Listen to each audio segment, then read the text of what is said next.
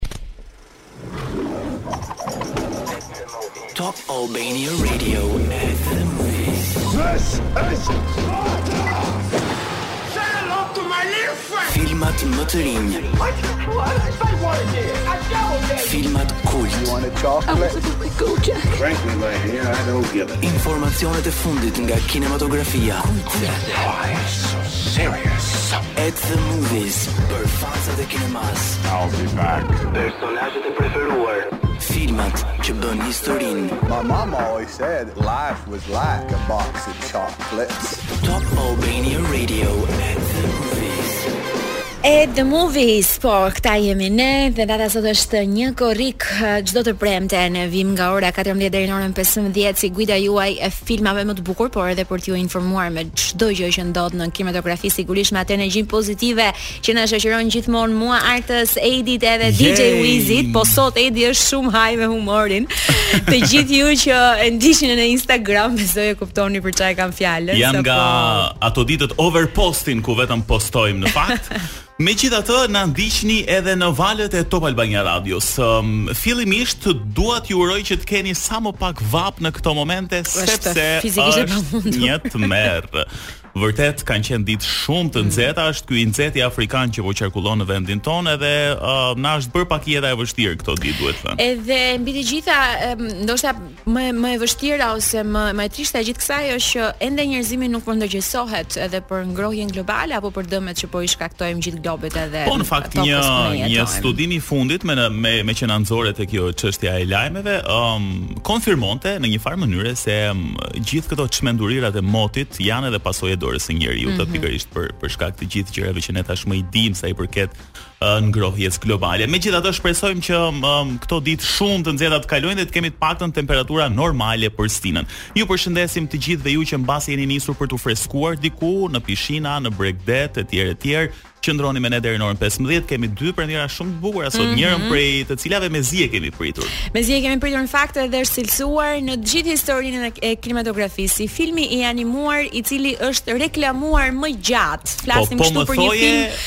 i cili është promovuar për dy vite e gjysmë, pra, sepse traileri ishte publikuar që para dy vitesh. Që para dy vitesh, pra që në 2019 para pandemisë dhe filmi erdhi pas pandemisë pas një periudhe të gjatë, pra 2.5 vite vetëm reklamim të mm -hmm. uh, Minion, sepse nuk e kemi më sekret. I njohim edhe mezi i kemi pritur, por kemi edhe një film tjetër, të dy filmat e sotëm janë filma të cilët ne gjithmonë i duam, nuk i themi jo asnjëherë dhe janë filma të pëlqyer nga të gjithë, edhe sidomos nëse flasim për një udhëtim në kohë. sa veta edhe sa miliona njerëz do ta donin që kush nuk e do, ne të udhëtonim në kohë sa nga e ardhmja në të shkuarën apo vice versa. Okej, okej, okej. Folëm shumë në mm, këtë mm, hyrje sepse kishim shumë gjëra për t'ju thënë. Po, këtu i gjeni të gjitha, të gjitha filmat vetëm në një show dedikuar kinematografisë dhe tani është radha për t'ju prezantuar me premierat e sapoardhura mbrëmjen e djeshme në Cineplex. Dhe jo vetëm premiera, por edhe festa ka ardhur sepse kemi disa oferta për ju. Absolutisht që po. Um, në fakt, Cineplex ka bërë herë pas here uh, shumë aktivitete interesante në lidhje me premierat që kanë mbërritur. Um, kujtoj këtu Fast and Furious në fakt, kur u bënë uh, disa aktivitete, disa parada me makina shumë interesante.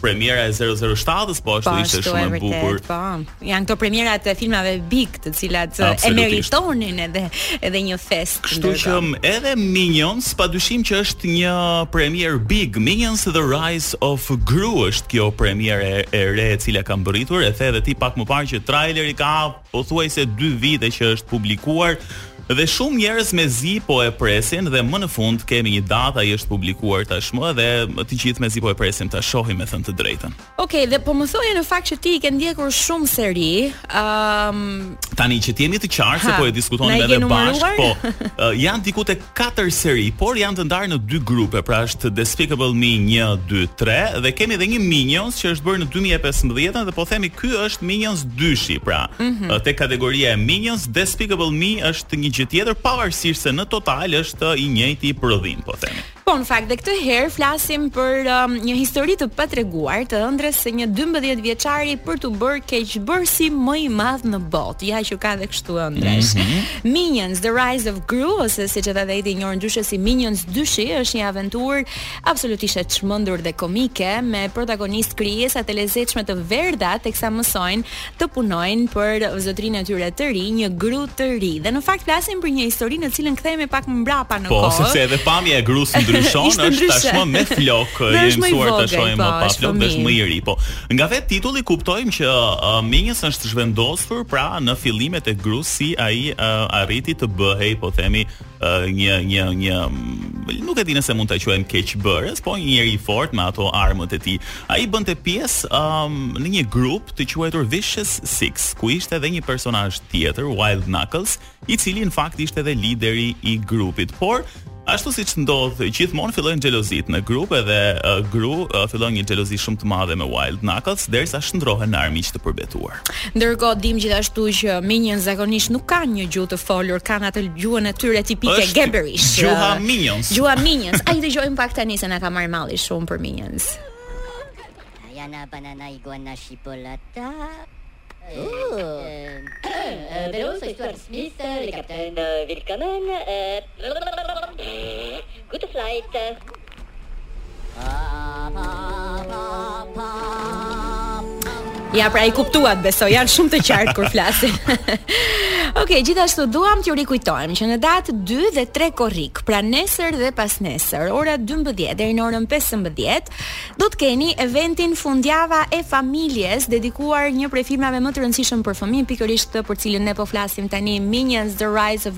Gru.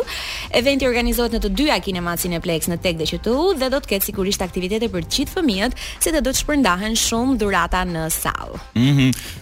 Sa i përket zërave që kanë bërë dublimin, po themi, um, apo kanë bërë zërin e personazheve, janë gjithashtu aktorë shumë po, të njohur. Steve Carell është kthyer në fakt dhe ai është kryesori që bën zërin e Gru. Tani uh, ju që po na dëgjoni dhe nuk e keni idenë, um, mbase për Minions e thonë Gru, Gru mund ta ngatërroni me gruaja. Në fakt Kështu është emri i personazhit, thjesht Gru. Ndërkohë kemi gjithashtu edhe Jean-Claude Van Damme, një tjetër nga zërat në Minions, Russell Brand, Julie Andrews edhe Dolph Lundgren. Mm -hmm. Shumë zëra të bukur, interesantë, sidomos ai i, i Steve Carell-it është është i i pazëvendësueshëm. Edi, a do kishe ti dëshirë që vërtet vërtet të mund të udhëtoje në kohë? Pra të shkoje në të ardhmen, pastaj të ktheheshe prapë në të tashmen, pra të pastaj të shkoje në të shkuarën dhe të vije prapë në të mhm. tashmen, pra të mund të udhëtoje në çfarë lloj drejtimi të doje. Tani më bëj vërtet. Të bëj ta kompozova me gjithë itinerare. Kam përshtypjen që janë të paktë njerëzit që nuk do e donin këtë gjë. Mhm. Unë do doja shumë um, të udhëtoja në kohë. Kam një preferencë të çuditshme, nuk dua të shkoj në të ardhmen, do kisha shumë dëshirë të shkoja në të shkuarën. Në fakt kjo besoj është dëshira e të gjithëve, sepse të gjithë jemi në këtë gjë. E ke dëgjuar atë shprehjen sa më shumë shikoj anash, aq më shumë shkoj përpara në të shkuarën. Oh, jo. S'e kisha dëgjuar, ti tani më konfuzove. Mirë, në fakt është e vërtetë, të gjithë e duam diçka të tillë, ndoshta edhe duke e ditur që është diçka e paarritshme dhe është e vërtetë që të gjithë duam ndoshta të shkojmë në të shkuarën sepse aty kemi kujtimet më të bukura dhe e ardhmja na tremb pak ndoshta. Ka teori konspirative, mbase nuk është edhe kaq e paarritshme. Unë um, mbase mund të besoj një 1% që ekziston kjo mundësi e udhëtimit në kohë, megjithatë nuk mund ta them. Po sikur të rrezikohej jeta e dashurisë tënde, do ktheheshe nga e ardhmja për ta shpëtuar dhe çfarë do bëje? Uh, kam përshtypjen se po, uh, se çfarë do bëja nuk e di, po për dashurinë do bëja gjithçka. Tani Edi thotë se po m'i bën të gjitha këto pyetje. jo, jo, nuk e kam me ty, po flasim për filmin për premierën e dytë që ka ardhur në Cineplex. Mban titullin Press Play dhe flasim kështu për një histori dashurie mes një djali dhe një vajze. Dhe teksa në një moment të caktuar vajza kupton që po udhton në kohë, pra herë shkon në të ardhmen dhe herë kthehet në të tashmen, ku nga e ardhmja sigurisht ajo kupton që do ta humbasë të dashurin e saj në një moment dhe kthehet përsëri në të tashmen për ta për t'u munduar për ta shpëtuar atë. Megjithatë ka edhe nga ana tjetër ka shumë njerëz të cilët e këshillojnë një prej personave i cili e dinte pikërisht këtë udhëtim që ajo po bënte dhe i thotë që Universi ka një plan dhe ne nuk i shmangemi dot atij. Mm, në fakt më kujtove janë disa filma që kanë skenare të ngjashme, um, edhe shumë interesant. Unë pashë trailerin dhe po përpiqesha të kuptoja më tepër sepse ishte pak konfuzues le të themi, ëh, mhm. um, ky, ky udhëtimi në kohë që bëhet shpesh herë edhe ti nuk e kupton më se ku është realiteti dhe ku është pastaj zhvendosja në kohë. Po dëgjojmë pak uh, trailerin tani. Why do you like records so much? You have this tangible thing right there in front of you. I love that. I have something for you. Pra një kasetë që ata po bëjnë së bashku me këngët e tyre është ajo çfarë ngjall le të themi edhe vetëdijen e vajzës e cila po udhton në kohë, ndërkohë filmi vjen nga të njëjtit producentë të filmave shumë të dashur për të gjithë ne, gjithmonë me tematikë dashurinë. The Fault in Our Stars, Like Crazy dhe Love Again janë filma me të cilët ndoshta edhe kemi qarë sepse sjellin po. histori vërtet. rrënqethëse dashurie. Dhe kishte atë nuancën e pikërisht këtyre tre filmave që ti përmende sidomos në këtë kontekstin e romancës. Mirë, janë uh, dy zgjedhje që keni Minions The Rise of Gru dhe Press Play, um, krahas shumë premierave të tjera që um, uh, kanë filluar uh, të jepen prej ditësh tashmë në Cineplex. Ndërkohë, kur vjen fjala tek këngë për shembull si Eminem gjithmonë na kujtohet jo vetëm si këngë Eminem dhe kjo që vjen tani që është këngë shumë motivuese, por na kujtojnë edhe shumë burime të tjera nga ne mund të marrim motivimin.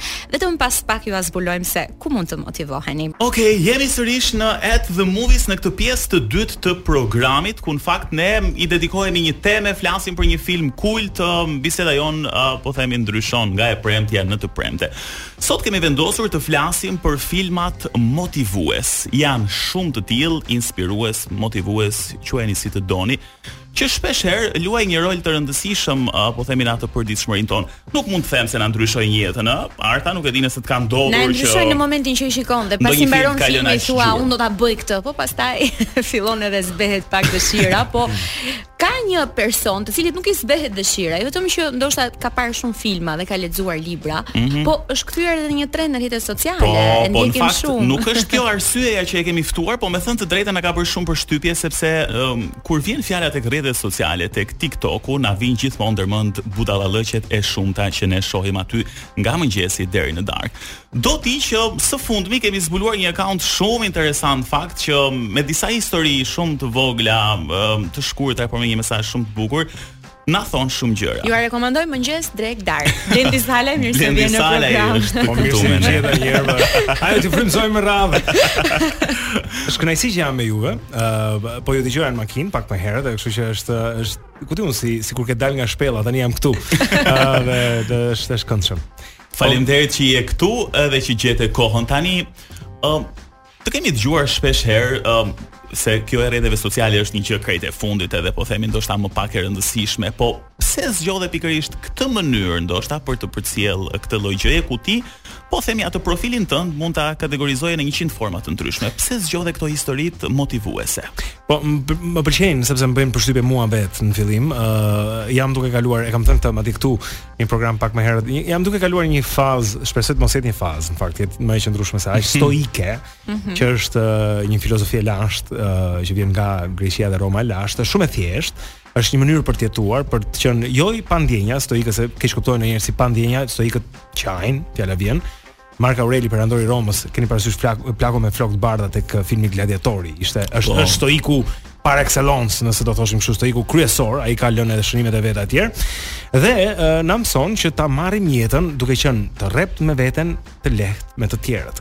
E të mos lejojmë për shembull që gjërat na bezdisin shumë, sepse për shembull mhm. Seneca një tjetër thotë ne vuajm më shumë në përfytyrim se sa në të vërtetë. Mm. Por kur ti e lë një gjë që të ngacmojë, të bezdisi, ai tjetri as nuk e di fare. Ëh, që të ka bezdisë ti rri gjithë ditën thotë si më tha, ore, atë llafin ashtu. E ti po i bën keq vetes, sepse thonë gjërat nuk janë as të mira as të këqija, ato thjesht janë dhe ti i bën ato të mira ose të këqija, kështu që është një mënyrë pra, mm -hmm. që e lexon nga pak çdo ditë, mua m'pëlqen edhe mendoj që është diçka për të ndarë me të tjerë dhe duke parë që janë njerëzit në Instagram shumë që i konsumojnë këto videot, shumë thashë, po përshtatem unë me ta, po po shkoj në këtë formë. Mm -hmm. Dhe për të qëndruar edhe pak përpara se të kalojmë tek filmat tek kjo puna e rrjeteve sociale, uh, kam përshtypjen që është edhe një thyerje tabuje se ne mendojmë që po të krijojmë një kontent cilësor në TikTok apo diku tjetër nuk do të ecë, nuk do të na shohë njeri. Mm. Dhe kam përshtypjen që është e kundërta, pra kemi edhe të rinj që po themi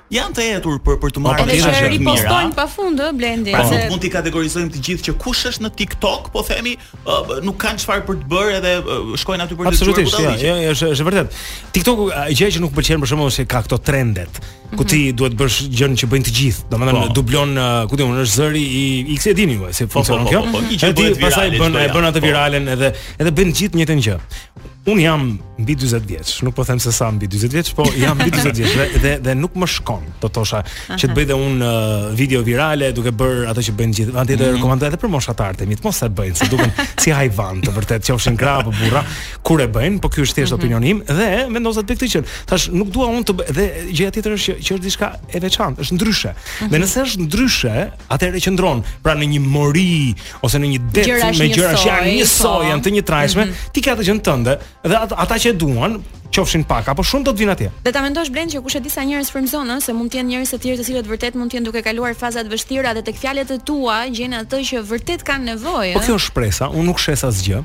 Unë nuk e shes këtë gjë, nuk kërkoj para si fjala mhm. vjen mm -hmm. e ke mhm. parasysh as nuk ke uh, interes jo, po themi absolutisht kjo është un kam qejf ta ndaj këtë me njerëz mm -hmm. sepse mhm. njerëz dhe dhe satisfaksioni im kënaqësia vjen kur marr dhe marr komente uh, nga shumë njerëz qoftë në TikTok ose në mm -hmm. në Instagram qoftë për shembull grimierja te televizioni X ha thotë ej sa bukur i ke ato gjëra ato faleminderit kështu që njerëzit janë atje janë duke duke kërkuar diçka dhe mendoj që jetojmë edhe në një kohë e cila është plot me konsumerizëm që është është e varfër intelektualisht dhe mendoj që kjo është shumë e ngarkuar, ëh, po themi me po. gjithë këto gjëra që kemi kaluar, që ndoshta tashmë nuk i kemi kaq pranë, por pasojat ndihen shumë kohë më mbrapa dhe padyshim që ne po, vazhdojmë të jetojmë në një periudhë në një kohë ku materiali është mbi të gjitha.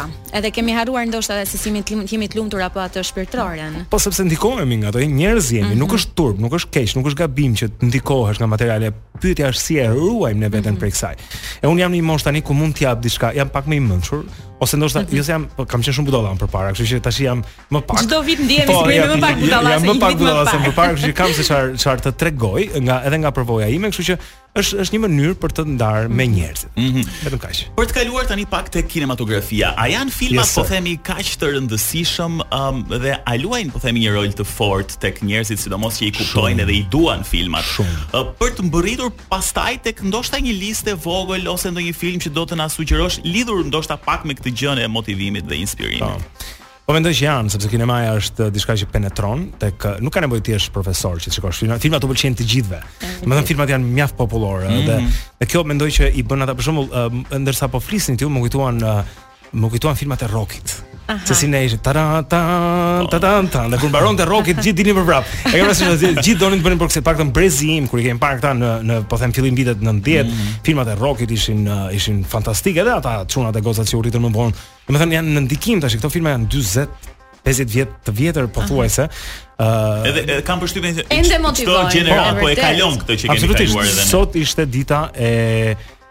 ë uh, lindjes më duket ose vdekjes së Marlon Brandos që ka qenë në mm -hmm. në filmin Kumbari. Po, po, po, po. Uh, I 72-shit që festoi 50 vjetorin këtë vit, është është domethënë mm -hmm. është një film po themi mjaft i rëndësishëm dhe motivues për disa i dha atë çmimin Oscar, por në atë film ka qenë edhe një djalë që quhet Al Pacino. që më çon mua tek një film që është shumë motivues, uh, që është Aromë Gruaje. Scent of a Woman. Mm. Po, ai fjalimi keni parasysh. I artës, po, ndër të preferuar. Po, po, po, po okay, ka pjesën romantike. Po, po domethënë po ç'a kemi? Kemi një kolonel i cili mhm. nuk shikon, është verbuar dhe ka vendosur t'i japi fund jetës në fundjavën në në fundjavën Thanksgiving, Thanksgiving weekend, domethënë që është atje. Dhe merr atë djalin, Chris Mac McDonald e luan mm -hmm. atë, ë uh, uh, që ta ndihmojë, se me që ai nuk shikon. Dhe ai djali është në atë në atë fatkeqësinë që i kanë ndodhur, shokët ja kanë futur, mm -hmm. kolegji do ta heqi, i vetmi që është i ndershëm atje, ai do ta hajë. Mm -hmm. Dhe ky kolonel vendos ai ka bërë ka bërë planin që do të bëjë seks për herë të fundit, ka marrë pistoletën gati dhe do t'ja heqë vetes. Ai do të vdesi në atë mm -hmm. fundjavë dhe vendos jo, një sekond, unë duhet ta ndihmoj këtë çunin. dhe shkon bën atë fjalimin e famshëm që mbyll filmin që është domethënë rrëqethës, po çfarë na tregon ajo mbi vlerat e, e të qenit burrë ose grua, ë uh, mbi vlerat e të treguarit të vërtetës, të qëndruarit, mos epurit, mos lëpirit, të mos bërit, domethënë atë që bëjnë të gjithë, atë që kërkojnë të gjithë dhe është është një film frymëzues e gjithashtu romantik edhe ka qenë shumë i qëlluar qoftë tek vajzat qoftë tek qoftë po, tek po dhe një tjetër nuk e di nëse është në listën tënde Dead Poets Society po, edhe ajo është po, patjetër është shumë i bukur shumë i bukur Patch Adams meqë përmende Patch Adams nga Robin Williams që është është një histori e vërtetë e një mjeku që punon me fëmijët edhe i bën ata të gëzojnë bëhet si kllon me ata domethënë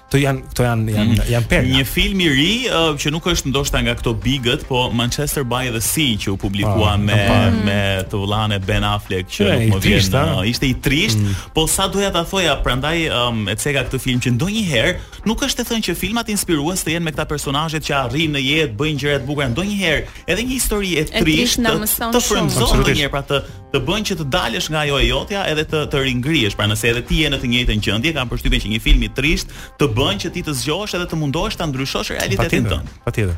Unë kam qenë meqë ra fjala tek uh, ai qytez, ajo qyteza që është mm. Manchester by the Sea, aty kam jetuar. Po, është shumë e bukur. Ti ka qenë shumë nuk e di, nuk e po, di. Shumë mirë, shumë mirë. Kështu që ka ka ka shumë filma që që mund të të motivojnë, ë uh, Po unë do të vija, prandaj e përmenda këtë pra që që mm -hmm. sepse ky e ka atë fjalimin, këto këto filma që kanë ato fjalimet në fund që mbajnë një qëndrim, mm -hmm. domethënë, mendoj që ato ndoshta nuk na ndryshojnë jetën, siç po thoshim pak më herët, por na ndryshojnë ne pak mm -hmm. pak fare ka nevojë, nuk ka nevojë që të na ndryshojnë totalisht. Domethënë nuk ndodh ajo që për shembull ti duhet t'i vësh vetes ë uh, detyrë që të ndryshosh pozitivisht pak nga pak çdo ditë. Dhe dhe kjo duhet të jetë një ndryshim realist. Fjala vjen nëse themi do mësojmë kinezçen.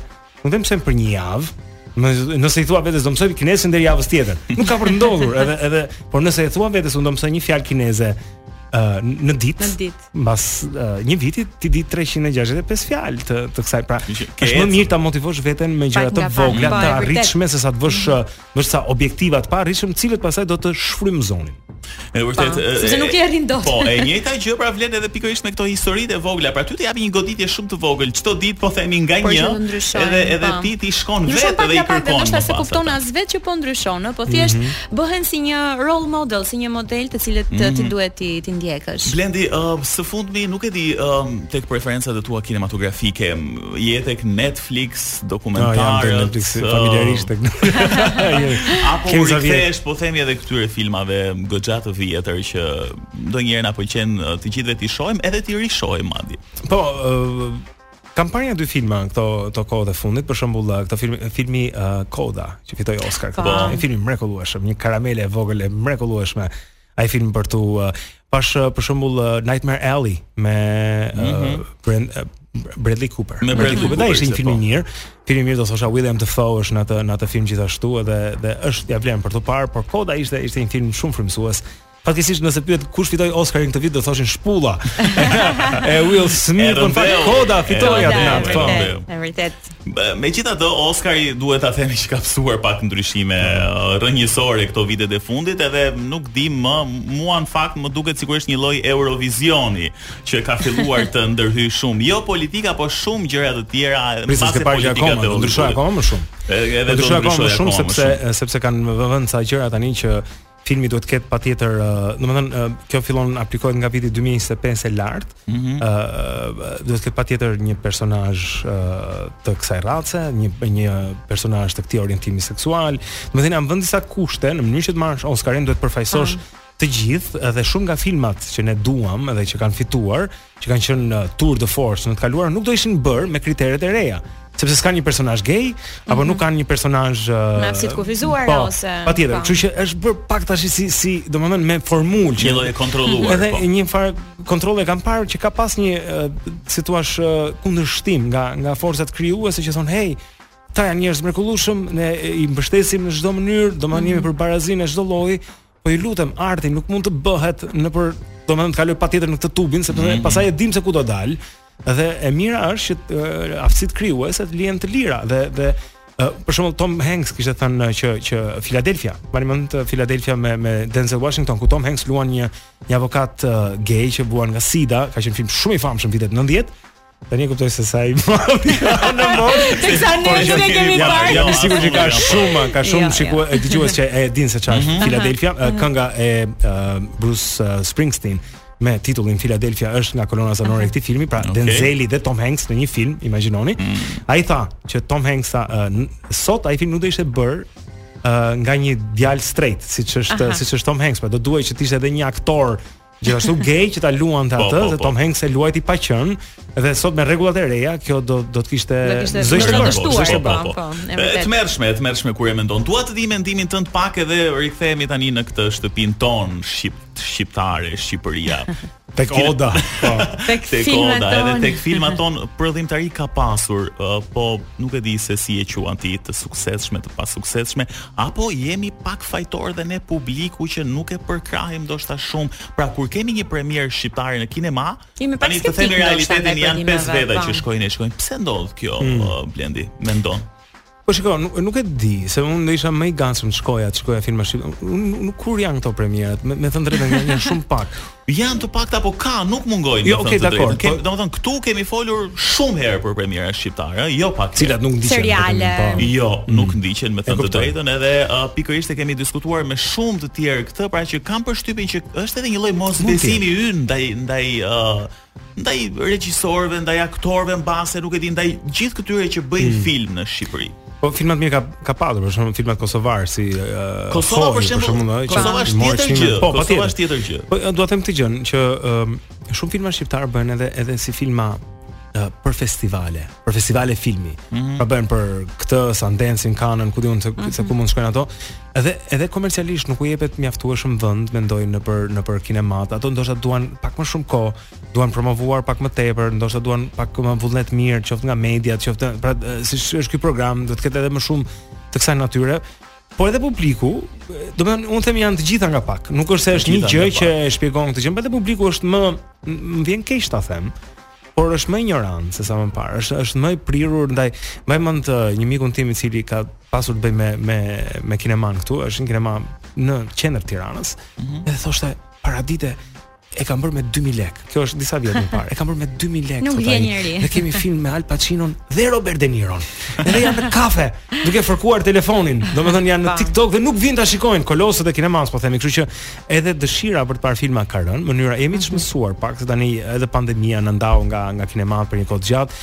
Un do shkoj të shikoj Minions për shembull me çunin tim sepse mezi presim uh, ai ka parë të gjithë, un i kam parë përmes tij. Mm -hmm që të gjithë dhe ai ka një 4-5 muaj që më thotë do dalë The Rise of Gru.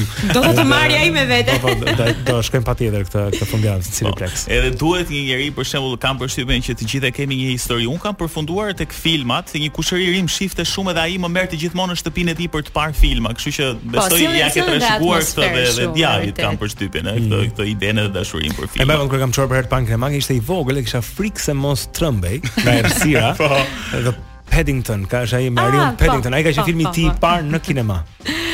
Ok, Blendi Salaj, shumë faleminderit që ishe me ne dhe sigurisht fjalët e tua nëpër ato në video. Po, po. Në videot e tua motivuese sigurisht që janë shumë me vlerë dhe na ke aty përherë. Po, nëse mund ta themi kështu anglisht, s'duhet ta themi anglisht, po keep going ose vazhdo kështu edhe se i ke rralluar Këto kohët e fundit pak, megjithëse ke qenë mbase shumë i zënë. Po, jo, po e kam kam dashur edhe edhe pak e saktë, është okay. është ajo gjë, edhe jo shumë e përlum, po. E vërtetë, e vërtetë është është e vështirë për ta ruajtur këtë gjë. Blendi shumë faleminderit edhe po të urojmë pushime të mbara sepse kam përshtypjen që jemi një korrik sot edhe pak nga pak po vijnë këto pushime. Ah, sikur të vinin që tani. Ciao. Mirë, ikim, ikim është Bore e cila ka gjetur përgjigjen e kuizit pa u ndalur shumë se nuk kemi uh, kohë, uh, Ethan Hawke dhe ka fituar dy bileta për në Cineplex. Ok, ndërkohë Pharrell Williams ka nisur tashmë Happy, jini të lumtur njerëz edhe kalofshi një super fundjavë. Kalofshi bukur.